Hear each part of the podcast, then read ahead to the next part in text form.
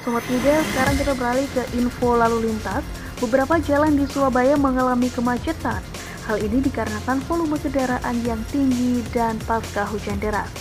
Kasat Lantas Polrestabes Surabaya, AKBP Sabilul Alif mengatakan kepadatan terjadi di Jalan Ahmad Yani ke arah Waru dan berimbas pada akses jalan yang menuju ke arah Ahmad Yani, di antaranya seperti Cemuru Sari, Cakir, dan Margorejo.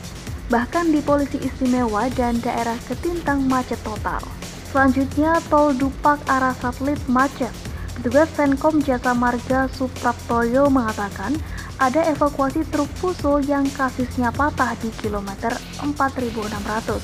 Saat ini sedang dalam proses evakuasi dengan derek dan sudah ada pengaturan dari BJR Tol.